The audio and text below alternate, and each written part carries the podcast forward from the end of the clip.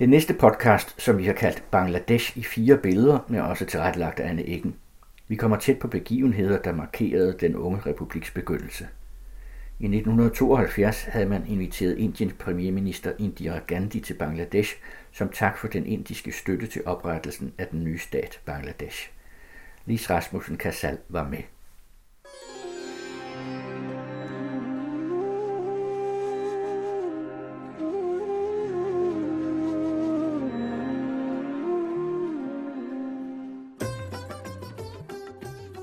Jeg sidder med fire fotografier af begivenheder omtrent 50 år tilbage. Nærmere bestemt 49 år. Året er 1972, og stedet er Bangladesh. Landet tog form som en selvstændig republik efter en 10 måneder blodig borgerkrig. Men nu er vi i 72, og det skal fejres med pomp og pragt. Det, der gik forud, var, at i 1971, den 26. marts, erklærede det daværende Østpakistan sig uafhængig af Vestpakistan og udråbte staten Bangladesh, som det kom til at hedde. Det blev en selvstændig republik. Den dengang 27-årige antropologistuderende Lis Rasmussen Kassal var til stede i 72, da den unge stat havde inviteret Indiens daværende premierminister Indira Gandhi som tak for støtte til løsrivelsen fra Vestpakistan. Lis fortæller her den dramatiske og usædvanlige historie om at være til stede ved en historisk begivenhed. I et land, de færreste kender. Vi tager udgangspunkt i de fire billeder.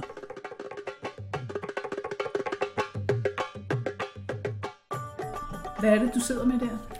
Jeg sidder med et billede, som er fra 1972, da jeg var i Bangladesh øh, første gang, fordi jeg samlede materiale ind til en afsluttende opgave. Da jeg var der, så skulle der være et øh, kæmpe offentligt arrangement, fordi øh, Indira Gandhi, som var premierminister i Indien på det tidspunkt, hun skulle komme på besøg. Og øh, det ville øh, jeg og min studiekammerat gerne med til.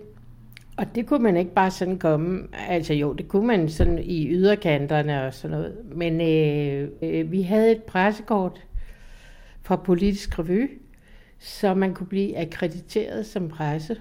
Det skal vi lige sige, at Politisk Revy var ja. Venstrefløjens øh, ja. avis eller artikelblad, store artikler. Ja. Så vi lod os akkreditere, Ja, faktisk blev de meget overrasket, for de havde ikke regnet med, at der ville være nogen fra pressen ud over Indien og Bangladesh og sådan noget. Så det er et preskort, jeg sidder med. Et billede til et preskort fra den 17. til den 19. Det er varigheden af det besøg, lige fra Indira Gandhi bliver modtaget i lufthavnen, til hun tager afsted igen. Hvad var der for nogle øh, grunde, der gjorde, at du skulle til Bangladesh? Jamen, øh, mine studiekammerater og mig, vi havde bestemt, at vi ville øh, lave et speciale om, øh, eller magisterafhandling var det, hed det jo dengang, om øh, udviklingen af en ny stat, fordi Bangladesh jo var blevet dannet den 26. marts øh, 1971, udråbte de sig selv som en selvstændig republik. På vores institut på Københavns Universitet Antropologi. Antropologi. Øh, der mente professoren, at man kun kunne lave sådan historiske om, øh, om stammefolk og så videre, men øh, der var jo en, nogle af os, der synes, at man i lighed med antropologer i Norge og i England, at godt kunne lave nutidige studier. Så skal jeg lige høre, hvad, hvad der rører sig ind i en 27-årig ung kvinde, som skal så langt væk i 1972. Jeg havde aldrig været uden for Europa, så det var jo meget svært at forestille sig, hvad jeg kom ud i. Jeg kan huske, at jeg havde sådan nogle forestillinger, hvor jeg var sådan tænkt, hvordan reagerer jeg, hvis der er nogen, der ligger ved at dø på gaden. Og, altså jeg prøvede at ruste mig mod sådan øh, de kulturschok, som jeg kunne forestille mig, jeg fik. Og så også det der med at rejse til et land, der havde været i krig. Altså, da, da øh, Bangladesh republik, altså det blev udråbt som øh, Folkerepublikken Bangladesh i, som sagt 26. marts 1971, at så løsrev de jo sig fra det Pakistan, som de havde været en del af. Og øh, der var jo så krig indtil den 16. december, så da vi kom... Det 16. december 71. 71, og vi kom den 22. januar 1972. Så landet havde jo kun været sig selv i en måned, da vi kom. Og man kan lige sige, at øh, en af grundene til, at der havde været krig, var blandt andet også en sproglig krig. Altså det var jo helt utroligt, som Vestpakistan kunne mm. dominere Østpakistan. Altså fra 47, hvor Indien blev delt i Pakistan og, og Indien, og det nuværende Bangladesh, så blev Østpakistan. Startede det ud med, at man ikke ville anerkende øh, Bangla, som tales i øh, det daværende Østpakistan og det nuværende Bangladesh. Det ville man ikke anerkende som øh, hovedsprog. Altså det skulle være Urdu, som er hovedsproget i Pakistan, og også er det i dag. Og det skabte jo nogle konflikter, og øh, der var i det hele taget sådan meget mistro mellem de, de to parter. Det gik især ud over middelklassen, fordi de kunne aldrig, altså i forskellige styrelser, ministerier og alle offentlige institutioner, så kunne man, hvis man var fra Østpakistan, aldrig komme længere end til nummer to. Det var altid folk, der kom til fra Vestpakistan. De mente jo også, at Østpakistan fungerede som øh, spisekammer for Vestpakistan, samtidig med, at den ulandsbistand, som øh, Pakistan modtog, den blev brugt i Vestpakistan. Og der havde så været politiske øh, diskussioner om mere selvstyre til provinserne, ikke? både øh, Østpakistan, men også nogle af de, de nordlige områder i Nordvestfronten, altså de grænsestaterne deroppe. Men øh, det havde man aldrig lykkedes med at få gennemført. Til slut så var der jo et valg, hvor de forskellige politiske kræfter i Bangladesh samlede sig omkring seks punkter, som de ville have gennemført.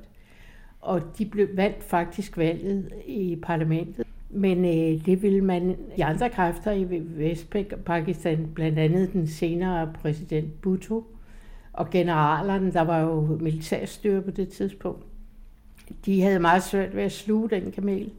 Så de øh, trak og trak og trak forhandlingerne, og til sidst så, så invaderede de Bangladesh den 25. marts 1971. Og der kom der så krig? At det, fordi øh, at bengalerne øh, ikke fandt sig stiltiden i, at de invaderede landet. Tropperne blev indsat, hvor de arresterede og dræbte forskellige progressive kræfter rundt om i hovedstaden. I Dhaka. Så blev der erklæret undtagelsestilstand, men så var der nogle af de bengalere, som var i den pakistanske her, de begik mytteri, kan du sige, og, og tog, tog kampen op mod den pakistanske her, og mange mennesker fra Bangladesh, fra hele landet, øh, kom også ind i, altså så det udviklede sig til en guerillastyrke, som kæmpede mod den pakistanske her. Men det var efter det der overfald den 25. marts, at man erobrede en radiostation og udsendte en erklæring til øh, hele verden. Den blev udsendt to gange øh, om formiddagen. Der blev der sagt, at på vegne af Sheikh Mujibur Rahman, som jo havde stået i spidsen for den der bevægelse med de seks punkter, at på vegne af ham, han var, ja det skal jeg lige sige, det var han var blevet arresteret af pakistanerne og var blevet ført til Pakistan. At på vegne af Sheikh Mujibur Rahman erklærer jeg her ved dannelsen af Folkerepublikken Bangladesh. আপনারা সবই জানেন এবং বোঝেন আমরা আমাদের জীবন দিয়ে চেষ্টা করেছি কিন্তু দুঃখের বিষয় আজ ঢাকা চট্টগ্রাম খুলনা রাজশাহী রংপুরে Vi lytter lige til Sheikh Mujibur Rahman. Det her er en af hans allermest berømte taler ved et folkemøde den 7. marts i 71, inden staten Bangladesh blev udråbt. Rahman var tidligere studenterleder og leder af partiet Awami League og blev den første præsident i Bangladesh. Han blev kendt for sine taler, fordi han talte mod etnisk og institutionel diskrimination af bengalerne, og han krævede øget selvstyre for provinsen Østpakistan. Ramans uafhængighedstaler er på FN's kulturarvsliste over politiske talere.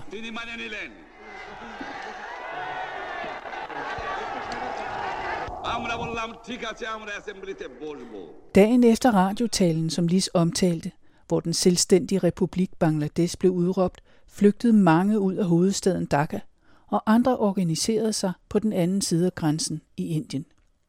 Borgerkrigen mellem Vestpakistan og det tidligere Østpakistan, nu Bangladesh, begyndte. I Indien anslog man, at der var over 10 millioner flygtninge fra Bangladesh. Samtidig valgte Indien at give støtte til de bengalske frihedskæmpere. Billede nummer to, hvad er det? Der står en masse mennesker. Et hav af mennesker faktisk. Og så er der en, der skiller sig ud, fordi de har alle sammen mørke hoveder. Men så er der sådan en øh, blejansigt midt imellem. En, der ser ud, som om hun er ved at, springe over en barrikade. Og faktisk har jeg fået at vide, at dem, som har taget billedet, de netop tog det, fordi det så så sjovt ud, det der. Det så ud som om, at jeg var ved at springe over. Og man ville jo i dag have tænkt, hun er en terrorist, hun er i gang med at ødelægge et eller andet, fordi ja. du simpelthen sidder på kanten mm. af et rækværk, ja. og alle de andre står helt stille og roligt, pænt ja. bagved i deres fine hvide tøj, ja. og du er bare i gang med noget helt andet. Ja, jeg kan straks afsløre, at det jeg ville, det var fordi, jeg forestillede mig, at jeg kunne kunne få et bedre billede ved at, at sætte mig op på det der stakit. Lykkedes det? Øh, jeg fik nogle billeder, men jeg ved ikke, om det blev så meget bedre, at jeg kom op og sidde på stakittet. Jeg tror i virkeligheden, så kunne det nok være blevet lige så godt, hvis jeg havde blevet stående bag ved stakittet. Men det var forsøget værd. Hvad er det for en situation? Ja, det er den situation, at Bangladesh ville gerne takke Indien for den støtte, de havde ydet dem i krigen. Det havde de jo sådan set gjort officielt, og så, men de ville godt have, at befolkningen i Bangladesh skulle takke Indien, så derfor havde de inviteret premierministeren Indira Gandhi til Bangladesh. Hvorfor var Indien interesseret i at støtte Bangladesh frem for Vestpakistan? Der er mange grunde, men der kan nævnes nogle enkelte. Altså for det første øh, var der ikke sådan lige frem venskab øh, mellem øh, Pakistan og Indien efter delingen i 47, og der havde jo også været en krig øh, i 65 mellem øh, Pakistan og Indien. Men øh, der var også 10 millioner flygtninge i Indien, så det var jo en belastning. Og så øh, altså blev der også spekuleret i meget fra forskellige sider, at øh, Indien måske også var bange for, at det der med at bryde ud af den stat, man var en del af, det også kunne sprede sig til nogle af de indiske delstater det var jo generøst, men altså, der var jo også lidt bagtanker. Godt, så vender vi tilbage til dagen, hvor Indira Gandhi skulle ankomme, og du står der på stakittet, sidder på stakittet.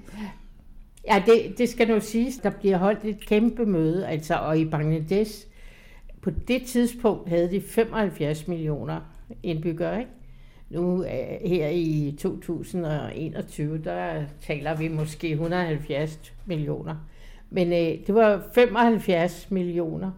Så et møde, et stormøde, det var jo mindst en million mennesker. Ikke? Øh, så det kan jeg godt huske, da jeg trådte ind på den der plads der.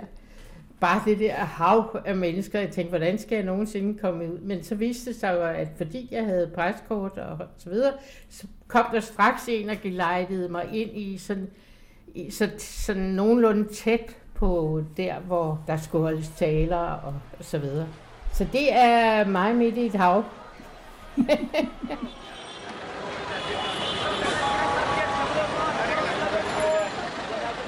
det var da mødet var slut, og vi skulle gå.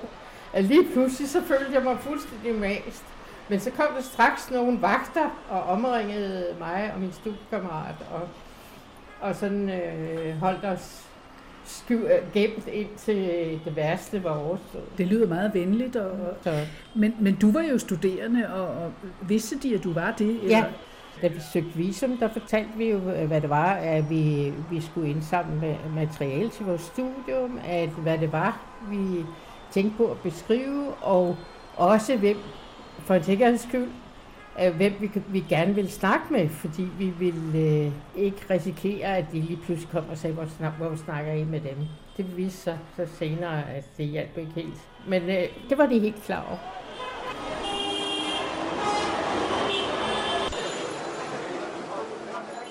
Bangladesh er omtrent tre gange så stort som Danmark og uendelig frodigt.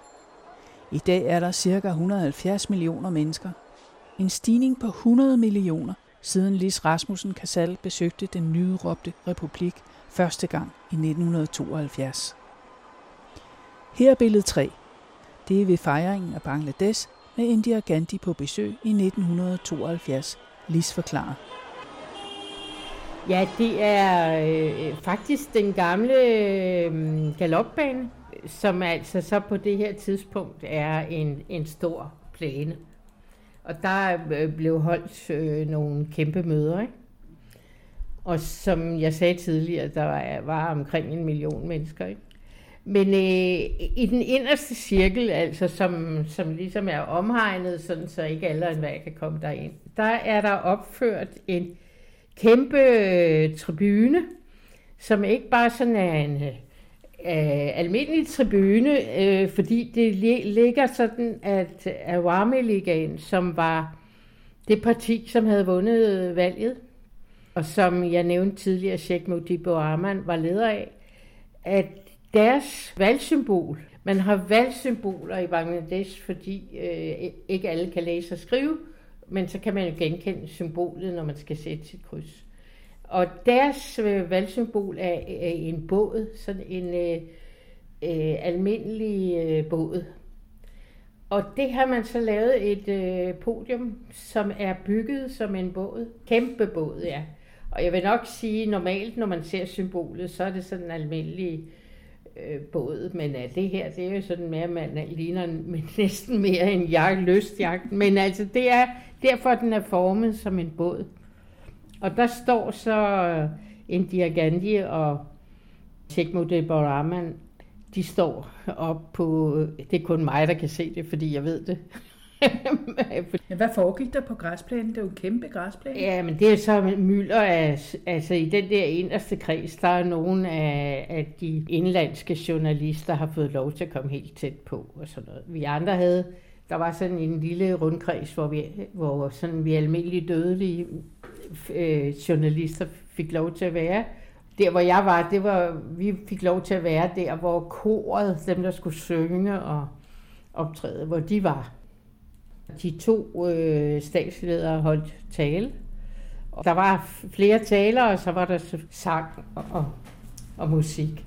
Var der fredeligt øh, på det tidspunkt i Bangladesh? Ja, ja, ja.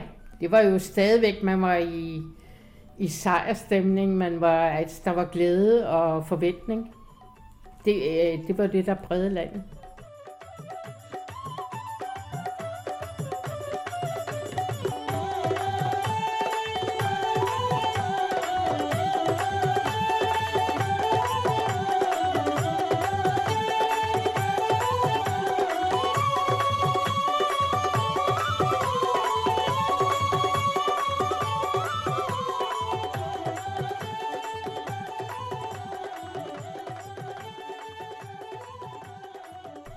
Nu skal vi så over til det fjerde billede, som er noget lidt andet, og som pludselig sætter det lidt mere i relief med nogle af de der lidt problematiske ting, men også glædesting, der er i det. Ja.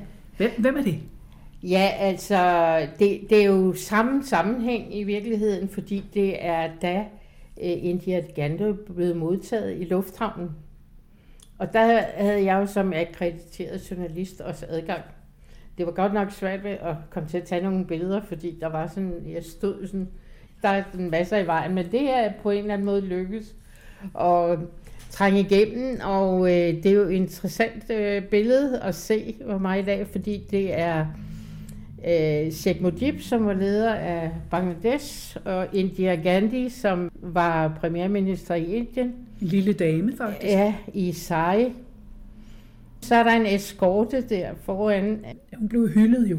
Ja, ja, der var... For det første var det jo hele byen jo udsmykket med billeder af, af hende og deres øh, Bangladesh premierminister. Og Ja, alt mulige dekorationer, alt, det er jo noget, de kan meget Bangladesh, der med at udsmykke, og øh, der bliver gjort meget ud af det, så hun blev jo virkelig varmt modtaget. Men var den bangladeske premierminister valgt eller udpeget? Altså det man jo gjorde, da han kom hjem fra fangenskab, øh, det var, at man dannede en regering af dem, der var blevet valgt ind i det pakistanske parlament. Ikke?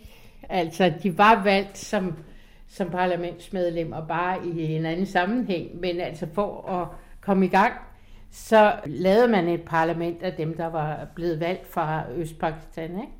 at de kom til at udgøre det første parlament, indtil der blev valgt. Der blev faktisk valgt i maj øh, 73, ikke? men øh, indtil da var det dem, der var blevet valgt ved valget i, i 1970. Skal jeg lige forstå, når man laver valg i et land, der er så meget i begyndelsesfasen, mm hvordan finder man så ud af, at folk skal indkaldes til valg og kan dokumentere, hvem de er? Altså, det, der havde jo været folketællinger og så videre, så, så der var nogle, nogle lister, altså, og der havde jo været valg i Pakistan i 1970, så man havde jo det udgangspunkt øh, fra valget i 1970. Hvor kunne kvinder også stemme her? Kvinder i Bangladesh havde valgret, jeg kan ikke huske, men det er i hvert fald før i Danmark. Nu skal vi tilbage til billedet her, fordi at den der fyr, der går forrest, som ja. var chef for efterretningstjenesten, ja. hvordan kom du øh, til at have det mindre sjovt med ham? Det interessante var, at vi havde jo skrevet meget øh, fyldig beskrivelse af, hvad vi ville undersøge. Og, altså, alle bevægelser var bondebevægelser, alle partierne, studenterbevægelserne, hvad som helst. Og alligevel så skete der det, at der var en bondeorganisation, som holdt møde, og det tænkte vi, det må vi øh, ud til. Så det deltog vi i, og dagen efter øh, vi kom hjem fra det møde, så fik jeg pludselig en opringning der, hvor jeg boede, af en, der sagde, hvad lavede I der? Og virkelig, altså, øh, det var ikke karikeret, sådan som jeg gør det. Det var virkelig. jeg sagde, hvad mener du? Altså, vi, var, vi det to, og vi har jo beskrevet meget vi bryder os ikke om, at I deltager i sådan noget. Og så lagde han på. Præsenterede han sig? Nej, det gjorde han ikke. Og så snakkede vi, vi havde jo forskellige kontakter og sådan noget, og, og nogen mente, at, at der var nogen, der havde lavet taget gas på os. Og sådan noget. Jeg tænkte, der er et eller andet galt. Og så gik der ikke mere end nogle, et par dage, så kommer der lige pludselig en embedsmand fra immigrationskontoret og siger, at I skal følge med. Og det gør man, når der bliver sagt noget af den slags? Ja, jeg var, jeg var meget til, Jeg ville ringe til nogen, men øh, det var vi sådan lidt uenige om. Men øh, så fulgte vi så med. Og der var ingen, der fortalte os, hvor vi skulle hen. Vi fik bare at vide, at vi skulle følge med. Og så kommer vi ned, og så sidder den her mand, som jeg, øh, altså, som jeg så senere fandt ud af, var chef for Sikkerhedspolitiet, altså, eller efterretningstjenesten, eller hvad vil du sammenligne det med? Det er manden der i det ja. mørke tøj med overskæg. Og så siger jeg så til ham, hvem han er, fordi han begynder at spørge. Så siger jeg, hvem er du? Ja, det havde han overhovedet ingen pligt til at oplyse mig om. Så siger jeg, hvis du er en eller anden offentlig ansat, så må du da fortælle mig, hvem du er, hvad dit navn er. Og så gik der sådan øh, 10 minutter, for jeg blev ved med at sige, at jeg vil ikke svare dig på noget, før du fortæller mig, hvad du hedder. Var du bange, Lis? Nej, det var jeg faktisk. Jeg var nok mere sådan, jeg var meget øh, is i maven. Altså virkelig. Og så til sidst, så sagde han, hvis det virkelig betyder så meget for dig, og så gav han mig sit navn, og så skrev jeg selvfølgelig mig, og sikrede mig, at jeg havde den rigtige stavning og sådan noget.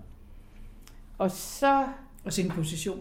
Ja, og så... Nej, det fortalte han ikke. Han fortalte bare, hvad han hed.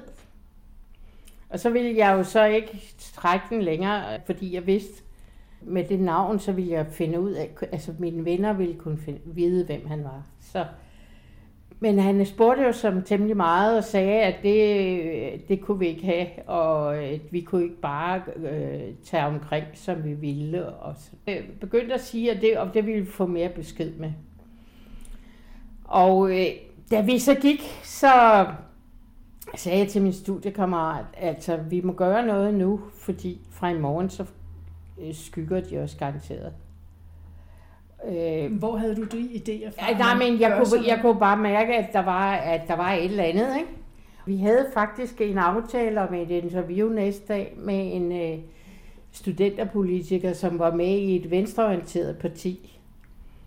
Og så sagde jeg, at vi går altså ned og siger til ham, som det er. Så må han selv tage stilling til, øh, om vi skal komme i morgen. Så vi gik ned til ham, og det var ham, der så fortalte os, jamen det er jo den og den. Det skal I ikke tage alvorligt. Han er gift med en af mine slægtninge. Det går, jeg går op og siger til ham, at han bare skal lade være. Ikke? Altså det vil sige, den allerøverste sikkerhedschef ja. har lige haft dig i stolen og skræmt ja. dig. Ja. Og så kommer du hen til en venstreorienteret studenterleder, ja. som er i familie med ham. Ja, eller sådan et eller andet. Ikke? Senere skulle det så vise sig, at det var nok ikke særlig klogt. Fordi han benyttede det der til, hver gang han så mig, så sagde han, han hed Mænderen, ham der studenterpolitikeren, så sagde han, your friend Mænderen. Altså han, han brugte det til at fortælle, at jeg var involveret med venstrefløjspolitikere i Bangladesh. Det var sikkerhedschefen, der sagde sådan at han, at han brugte det ligesom til at retfærdiggøre, at han øh, forfulgte os. Ikke? Ja, men så var du da i det mindste opmærksom på, at du var under lup hele ja, tiden. og det var vi jo så resten af tiden. Så kom der så en øh, dansk repræsentation senere, fordi lige da det her skete, var der ikke nogen dansk repræsentation. Så vi gjorde noget, som jeg aldrig havde forestillet mig, at vi gøre. At vi meldte os på den engelske ambassade.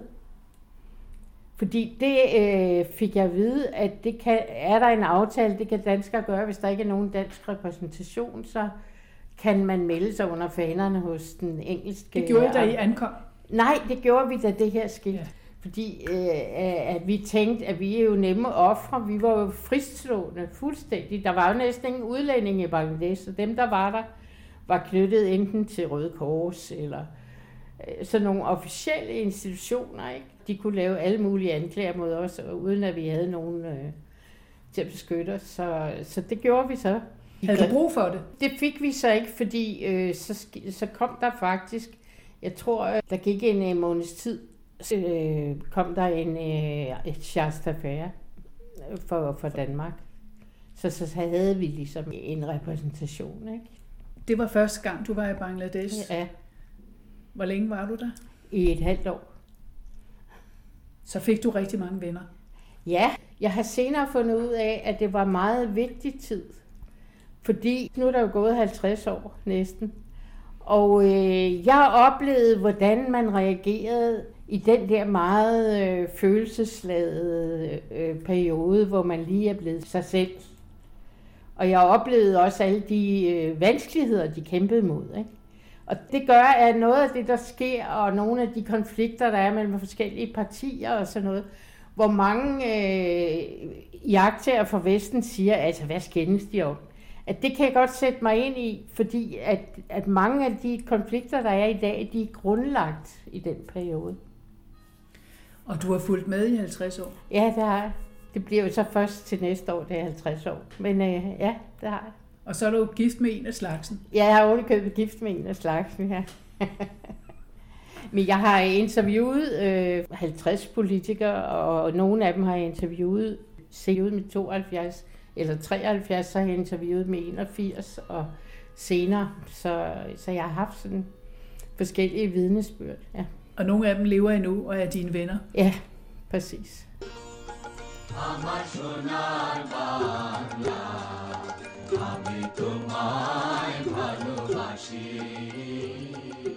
Der er selvfølgelig meget mere at sige om Bangladesh. Men vi slutter nu.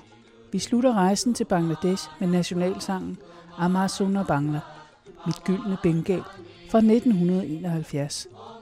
De første 10 linjer er fra et digt af den bengalske digter der Tagore, der som den første asiat i verden fik Nobelprisen i 1913. Selve melodien er komponeret af Samadas.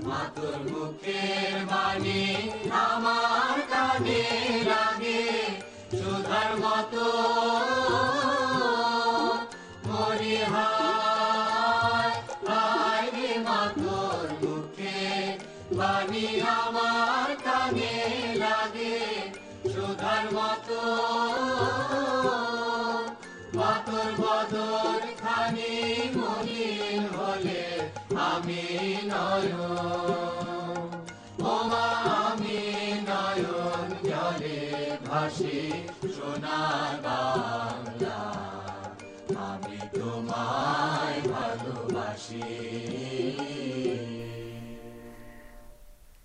Det her er Bangladeshs nationalsang, og du hørte om en lille fli af et nyt lands tilblivelse, fortalt af Lis Rasmussen Kassal.